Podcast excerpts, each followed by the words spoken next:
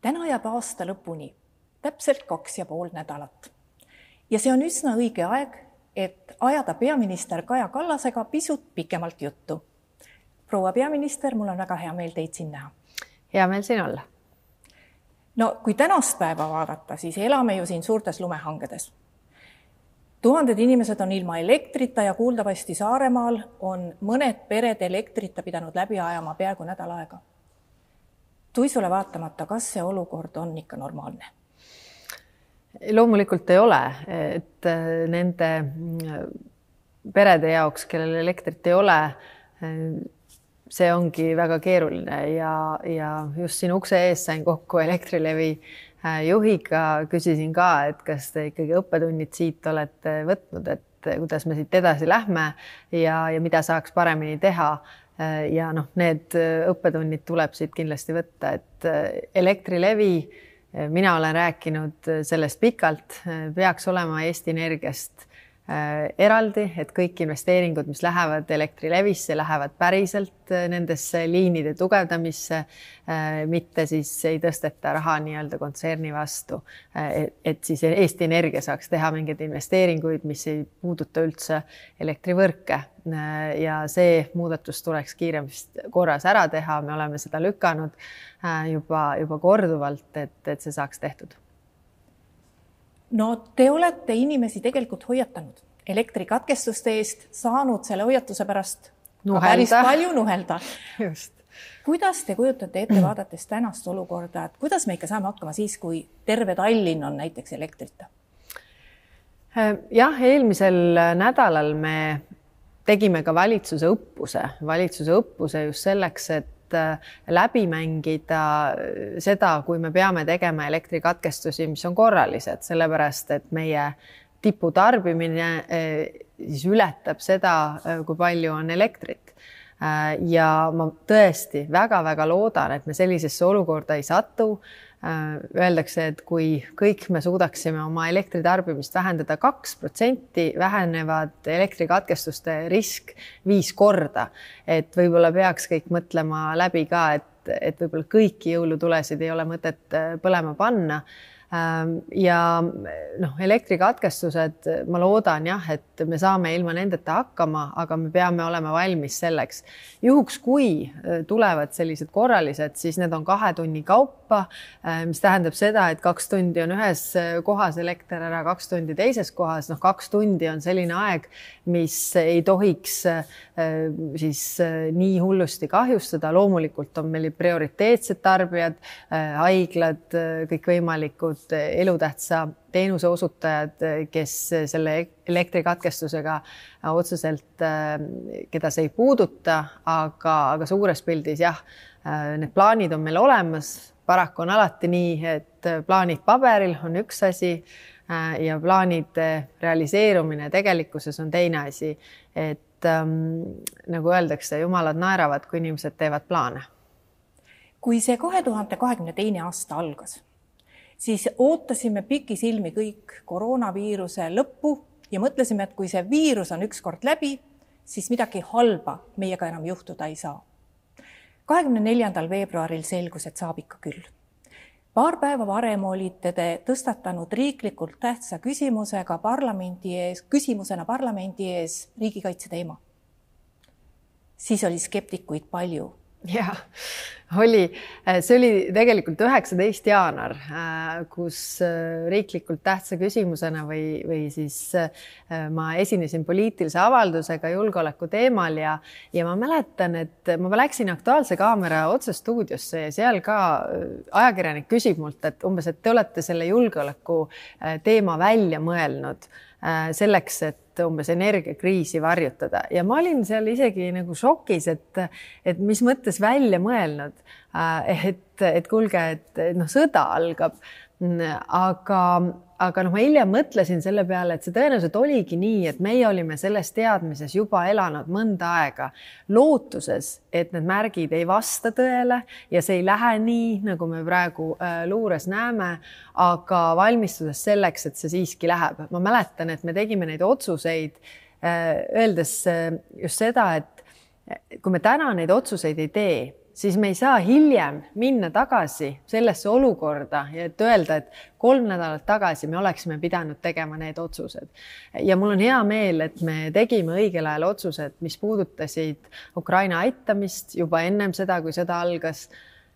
mis puudutasid meie enda kaitsevõime tugevdamist, hangetesse minekut, tänu sellele me saime raamlepingud, millega me saime ka näiteks laskemoona odavamalt kui need, kui, kui siis sõda algab ja, ja mitmed teised sammud, mida me äh, siis jaanuaris tegime, et kuigi seda tol hetkel ei mõistetud, aga sellepärast, et kõik inimesed ei elanud selles infos või infoväljas, milles meie juba olime. kui sõda algas siis tõenäoliselt me, noh, nagu te ütlesitegi, me suhtusime oma kaitsevõimesse enne seda hoopis teistmoodi. Äh, sel teemal ei olnud väga palju mõtet rääkida, sellepärast et tundus, et niigi paneme hästi palju raha sellesse. ja kui sõda algas ja kui te võrdlete seda ajahetke, seda kümmet kuud, kui palju paremaks meie enda kaitsevõime selle kümne kuuga on läinud ja kui palju kindlamaks on need kinnitused meie NATO partneritelt mm et meid ikkagi kaitse, kaitstakse? jah ähm nagu meie kaitse tugineb põhimõtteliselt kahel suurel sambal, üks on see meie enda iseseisev kaitsevõime ja teine on siis NATO kollektiivne kaitse. me oleme enda kaitsevõimet oluliselt tugevdanud, sellel aastal nüüd esimest korda meie kaitsekulutused ületavad ühe miljardi piiri. Need tõusevad ligi kolme protsendini äh, sisemajanduse kogutoodangust ja, ja noh, oluline on ka, mida me selle rahaga täpselt teeme. Äh, me hangime keskmaa õhutõrje ja igasuguseid selliseid võimelünki äkki ähm, siis äh, paneme nii-öelda kinni või, või lahendame need ähm, selliselt, et kaitse oleks tugevam, aga teine osa sellest on see kollektiivne kaitse ja äh, kuni Madriidi tippkohtumiseni me tegime väga palju tööd, et saada tugevad otsused Madriidist ja, ja see nõudis väga palju äh, veenmist, et et, et mida meil on selle jaoks ikkagi vaja. Ja nüüd, kus need otsused on käes, siis see töö käib intensiivselt sellega, et need otsused ja plaanid ka reaalses elus ellu viidakse, sest ähm, meil ei ole tegelikult aega. Ähm, Neid asju on vaja selle jaoks, et need toimiksid heidutusena, et Venemaa isegi ei vaataks meie suunas ega mõtleks, et seda sõda võiks kuidagi laiendada. et me saadame selle sõnumi, et me oleme valmis, me ei karda, liitlased on meie taga. noh, see sõnum, mis eelmine nädal tuli, et ameeriklased tulevad siia, ülioluline. kunagi mulle üks kõrge Äh, välismaal siis Ameerikas õigemini üks kõrge ametnik ütles, et kõige suurem heidutus Venemaale on Ameerika lipp et, et see ameeriklaste kohalolek mitte ainult, et nad ütlevad, et me kaitseme igat sentimeetrit NATO territooriumist ja me oleme teie taga ja artikkel viis ja nii edasi, vaid et nad on ka reaalselt kohal. Nad on kohal oma sõduritega, nad on kohal ka oma võimetega, et meie kaitset tugevdada, nii et ma võin küll öelda, et me oleme äh, paremini kaitstud, kui me kunagi varem oleme olnud ja lootuses, et seda ei lähe tegelikkuses mitte kunagi vaja no selles suhteliselt kriitilises olukorras, mitu korda te mõtlesite, enne kui te kutsusite esile valitsuskriisi, viskasite Keskerakonna valitsusest välja ja, ja tegite seda üsna tavatul moel? Vot see on huvitav, et te ütlete, et mina kutsusin esile valitsuskriisi, mina ju ei kutsunud seda valitsuskriisi esile, ükski peaminister seda ei tee. aga kuna tõepoolest olid kõik märgid sellele, et meie koalitsioonipartner äh, Keskerakond on siis äh, kokku leppimas äh, uute partneritega, et et seda valitsust kõigutada, siis mul ei jäänud lihtsalt muud üle. ma pidin selle mängu lahti vilistama ja avalikult tegema Isamaale selle Äh, pakkumise, et nad äh, meiega läbirääkimiste laua taha asuksid. sinnamaani said nad äh, teha siis muid nägusid ja, ja see avalikkuses, ma arvan, see surve kandis seda vilja, et meil see valitsus hetkel ikkagi koos on. sest kui te vaatate Riigikogus Isamaa, Keskerakonna, EKRE tõmme teineteise suhtes on tunduvalt tugevam kui nende tõmme minu suhtes või Reformierakonna suhtes no te olite selle aja jooksul, mis venis ju üsna pikaks, üsna kindlameelne, aga sisemas, kui palju selliseid kriitilisi hetki oli, et noh, lõppkokkuvõttes ei tulegi midagi välja ja tuleb endal opositsiooni minna?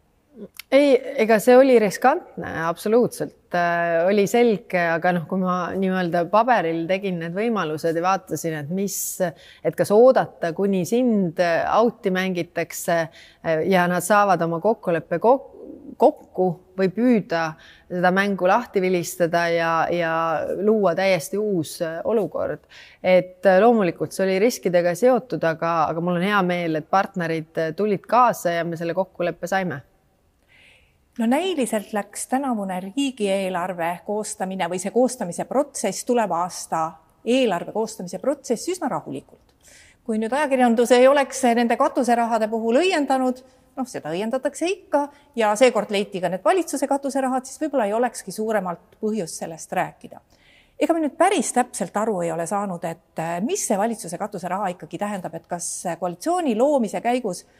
lepiti tõesti kokku nii, nagu poliitikud praegu räägivad, et äh, iga koalitsioonierakond sai kümme miljonit, mille puhul siis ta ise sai otsustada, mis ta sellega teeb ei ole sellist asja nagu valitsuse katuserahad. meil on koalitsioonipartnerid, igalühel on oma prioriteedid ja loomulikult poliitika tähendab seda, et me vaidleme esiteks, millised on need reeglid, mille järgi me ühiskonnas elu korraldame, aga me vaidleme ka selle üle, kuhu me raha kulutame ja need, ma ei ütleks, et need riigieelarve strateegia ja riigieelarve arutelud olid kuidagi kergemad kui varasemalt on olnud, noh, kolme partneriga on alati keeruline ja, ja see oli ikkagi väga-väga pingeline, et need asjad saada kokku. Ja, ja noh, seal on erinevatele valdkondadele raha ette nähtud, mida või milliseid sõlmprobleemi sa tahad siis lahendada, aga, aga need rahad tulid ju välja ikkagi alles Riigikogu menetluses miks te arvate, miks seekord läks äh, Euroopa Kontrollikoja liikme Keit Pentus-Rosimannuse nimetamine nii raskelt? no väga lihtne, äh, Isamaa käes oli see koht ja Isamaa lootis, et äh, et nad lihtsalt seda otsustamise edasilükkamisega saavutavad selle, et see jääb Isamaa kätte. ma tuletan meelde lihtsalt seda, et meil on olukord, kus meil on koalitsioonis Reformierakond, kellel on kolmkümmend neli kohta Riigikogus, on Isamaa, kellel on kaksteist ja on äh, sotsiaaldemokraadid, kellel on kümme kohta. see tähendab äh, seda, et me jaotasime ka näiteks kõik kõik ministrikohad võrdselt selliste proportsioonide juures, see tegelikult ei ole tavaline. ja samamoodi on kõrged ametikohad äh, siis kontrollikoja äh, koht ja ka Euroopa Komisjoni koht, kuna Euroopa Komisjoni koht on juba äh, noh, seda vahepeal muuta ei saa, siis tegelikult see üks asi, mis oli, oli kontrollikoja koht. nüüd Isamaa juht soovis oma näo säilitamiseks seda, et me ei lepi kokku, et see on Reformierakonna koht, siis ta saab äh, ka äh, nii-öelda oma äh, sees vaadata otsa ja vaid, et me teeme seda hääletusega, et see on ainuke asi, mida me siis valitsuses hääletame ja sellise kokkuleppe me tegime selleks, et see oleks Reformierakonna koht ja Isamaa saaks oma näo säilitada. aga selle käigus oli selge, et nende soov oli tegelikult seda otsust üldse mitte teha ja see ajas neid närvi, et see hoob oli minu käes ja ma ütlesin, et ma panen selle päevakorda, sest meil oli selline kokkulepe, me hääletame, see on see üks asi, mis me hääletame ja, ja ma ajasin seda nii, nagu me olime kokku leppinud. et need trikid ei läinud läbi ja see ajas, see ajas neid närvi. selle kümne kuu jooksul, mil Ukraina sõda nüüd intensiivsemalt on kestnud, kui palju on muutunud teie kolleegide arusaam Euroopas sellest, kui halb on Venemaast sõltuvuses olla ja sellest,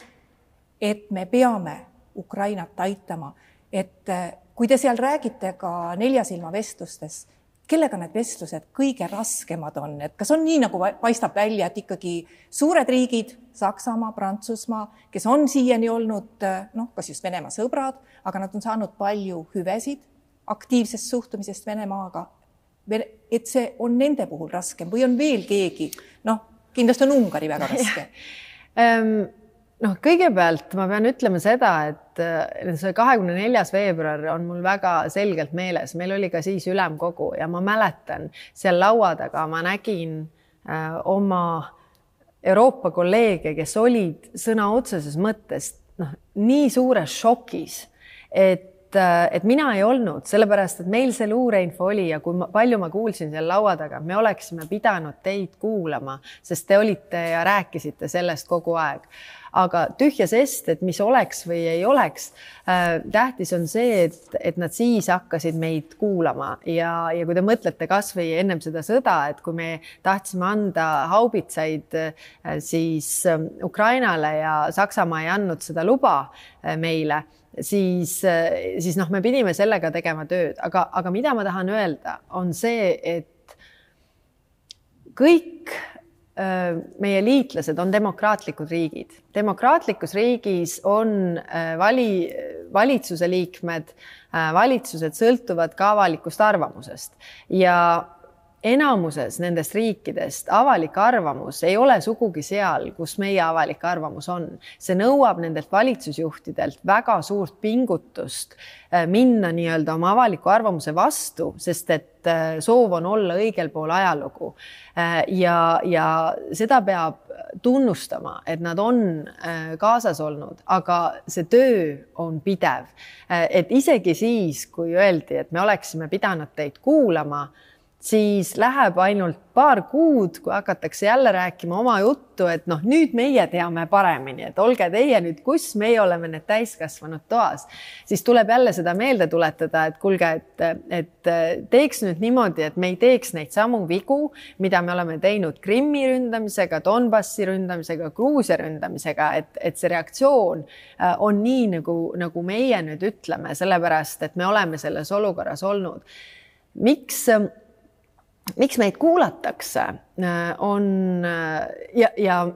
me oleme ka süstemaatiliselt teinud tööd äh, nende riikide avaliku arvamusega, mitte ainult veenda seal laua ümber seda valitsusjuhti, vaid tegelikult aidata veenda ka nende avalikku arvamust, miks üks või teine otsus on õige teha. Ja sellega me oleme teinud ikka väga palju tööd. aga seda tööd tuleb teha kogu aeg edasi kas Euroopa on täna selle nii-öelda kriitilise piiri ületanud, kus ka pärast seda, kui sõda lõpeb, enam ei ehitata oma elu üles nii palju tuginedes Venemaale ja tuginedes sellele loodusressursile, mida Venemaa kindlasti väga meelsasti suhteliselt odava hinnaga müüb? Jah, eks äh, sellest on aru saadud, et, äh, et tõepoolest väärtusi vahetati nii-öelda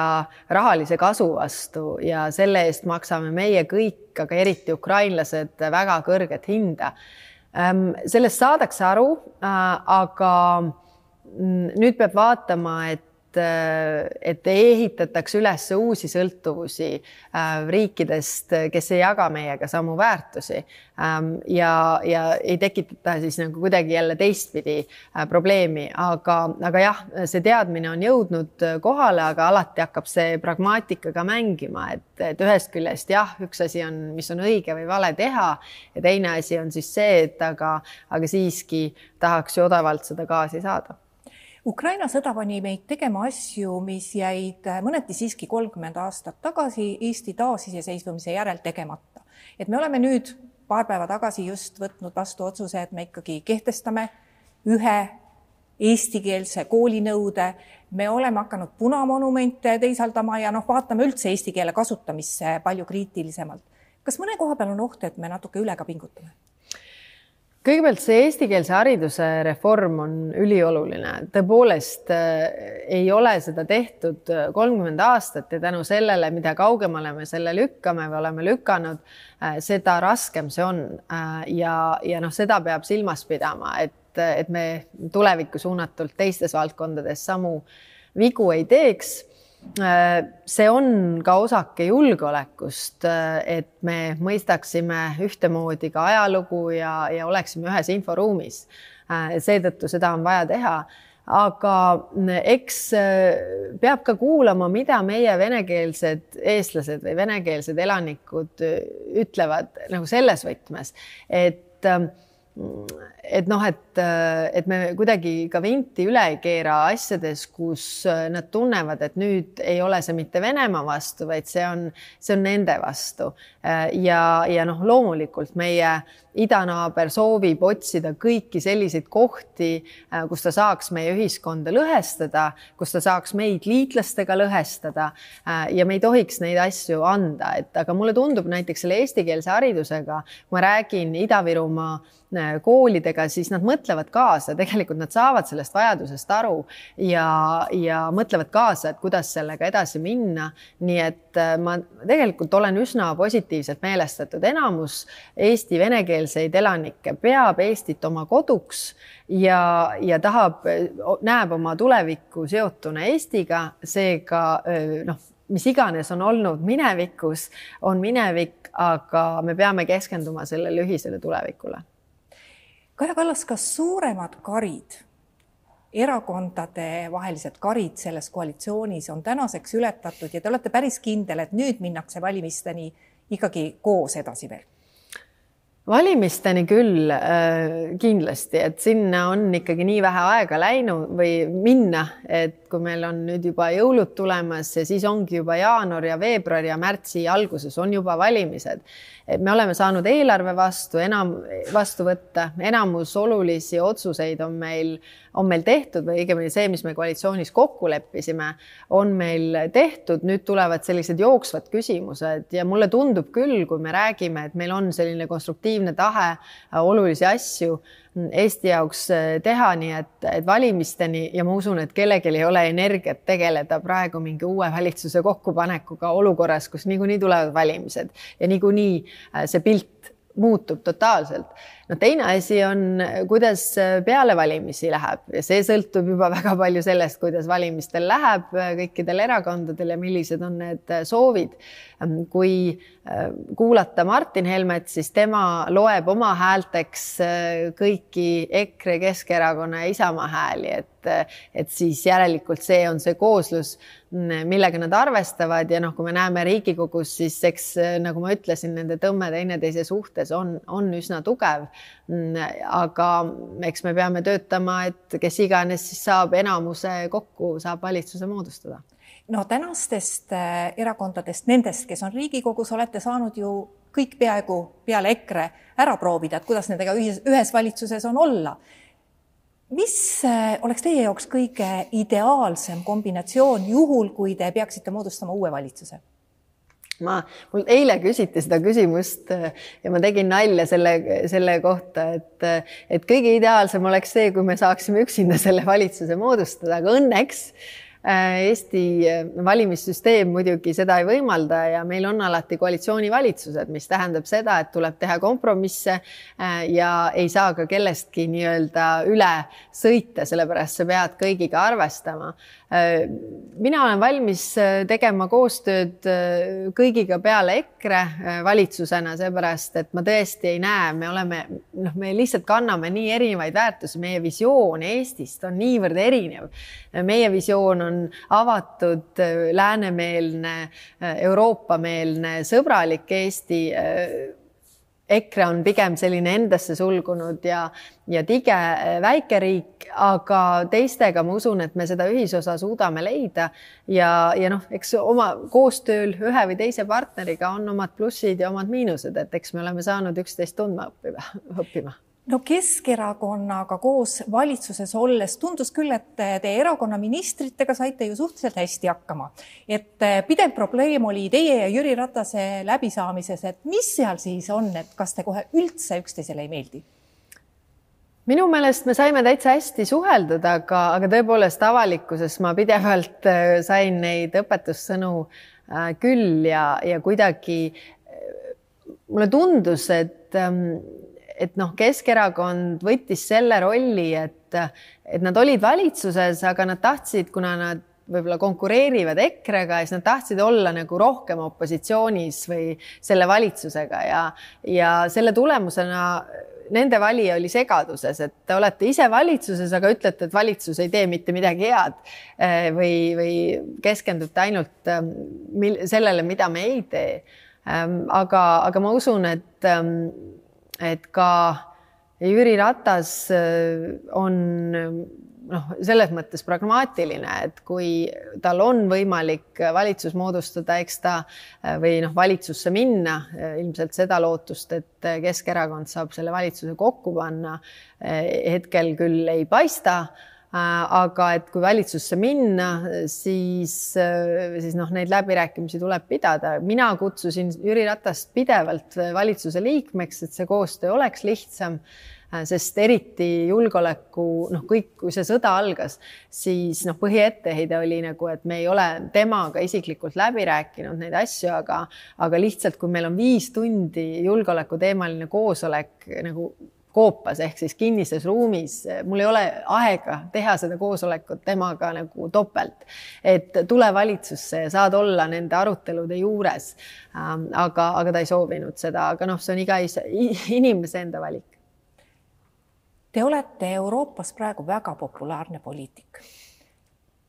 noh, kodus te saate ilmselt lihtsalt hulgaliselt kriitikat. Kas te tõesti soovite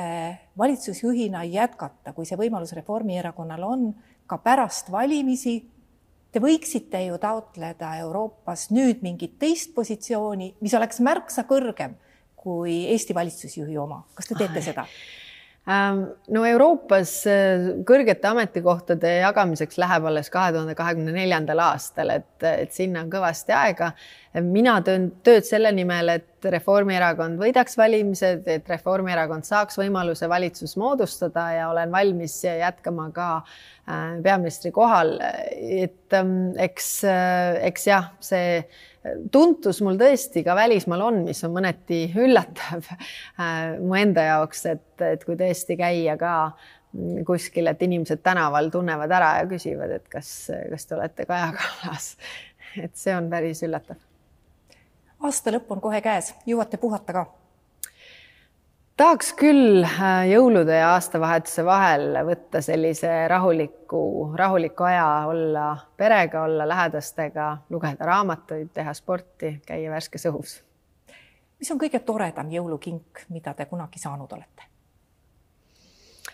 Mulle alati on meeldinud raamatud jõuludeks kingiks või ka sünnipäevaks kingiks saada just sellel põhjusel, et ise valid ikkagi teatud tüüpi raamatuid, aga kui sulle keegi teine äh, kingib, siis, äh, siis see on nii palju põnevam. et, et sellised asjad on mulle väga-väga meeldinud, aga ma mõtlen, et kas midagi sellist erilist äh, praegu nii ei tule mul, mul kuidagi ette, et tähtis ei ole ju mitte see kingi suurus, vaid tähtis on see, et, et see tähelepanu, et see kink on raamat minu meelest suurepärane nii et sellel aastal sai jõuluvanale kirja, kirja pandud ikkagi raamat, jah? ja, ja, ja ma isegi tean juba, mis raamatu ma isa käest saan ja ma väga ootan, et ma seda lugeda saan. peaminister Kaja Kallas, aitäh tulemast saatesse. suur aitäh ja aitäh ka kõigile neile, kes meid vaatasid. ja eks nüüd ole aeg meil kõigil ka isiklikult oma isiklikule aastale tagasi vaadata